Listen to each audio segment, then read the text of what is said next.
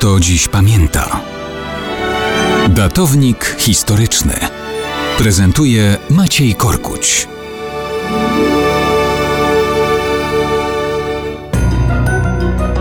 Mało kto dzisiaj pamięta o łyżwiarstwie.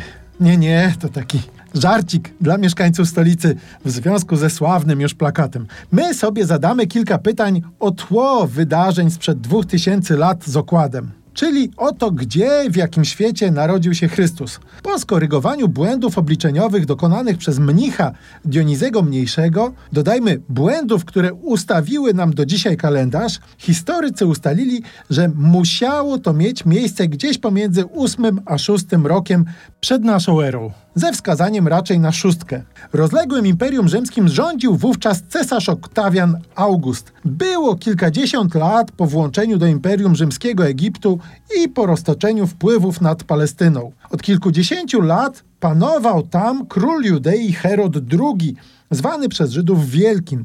Był władcą od Rzymu zależnym, ale lojalnością wobec cesarza odpłacał za daleko idącą autonomię w rządzeniu swoim terytorium. Heroda znamy z biblijnej opowieści o rzezi niewiniątek, ale jest faktem, że potrafił być okrutny.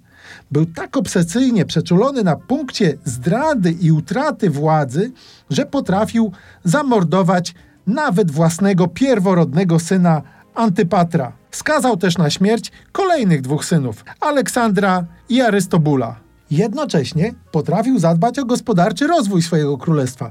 Wybudował wiele nowych miast i pałaców. Odbudował też i rozbudował zniszczoną wcześniej świątynię jerozolimską. Odchodził z tego świata, kiedy Chrystus był plus minus dwuletnim dzieckiem. Umierał w strasznych mękach, wyniszczony przez chorobę przypominającą trąd, połączony najprawdopodobniej z pomieszaniem zmysłów. Palestyna w momencie narodzin Chrystusa nie była wstrząsana wojnami, przeżywała czas stabilizacji i względnego spokoju. W Krakowie można spotkać na tramwajach wielki napis Wesołych Świąt Bożego Narodzenia. I tego Państwu dzisiaj życzę.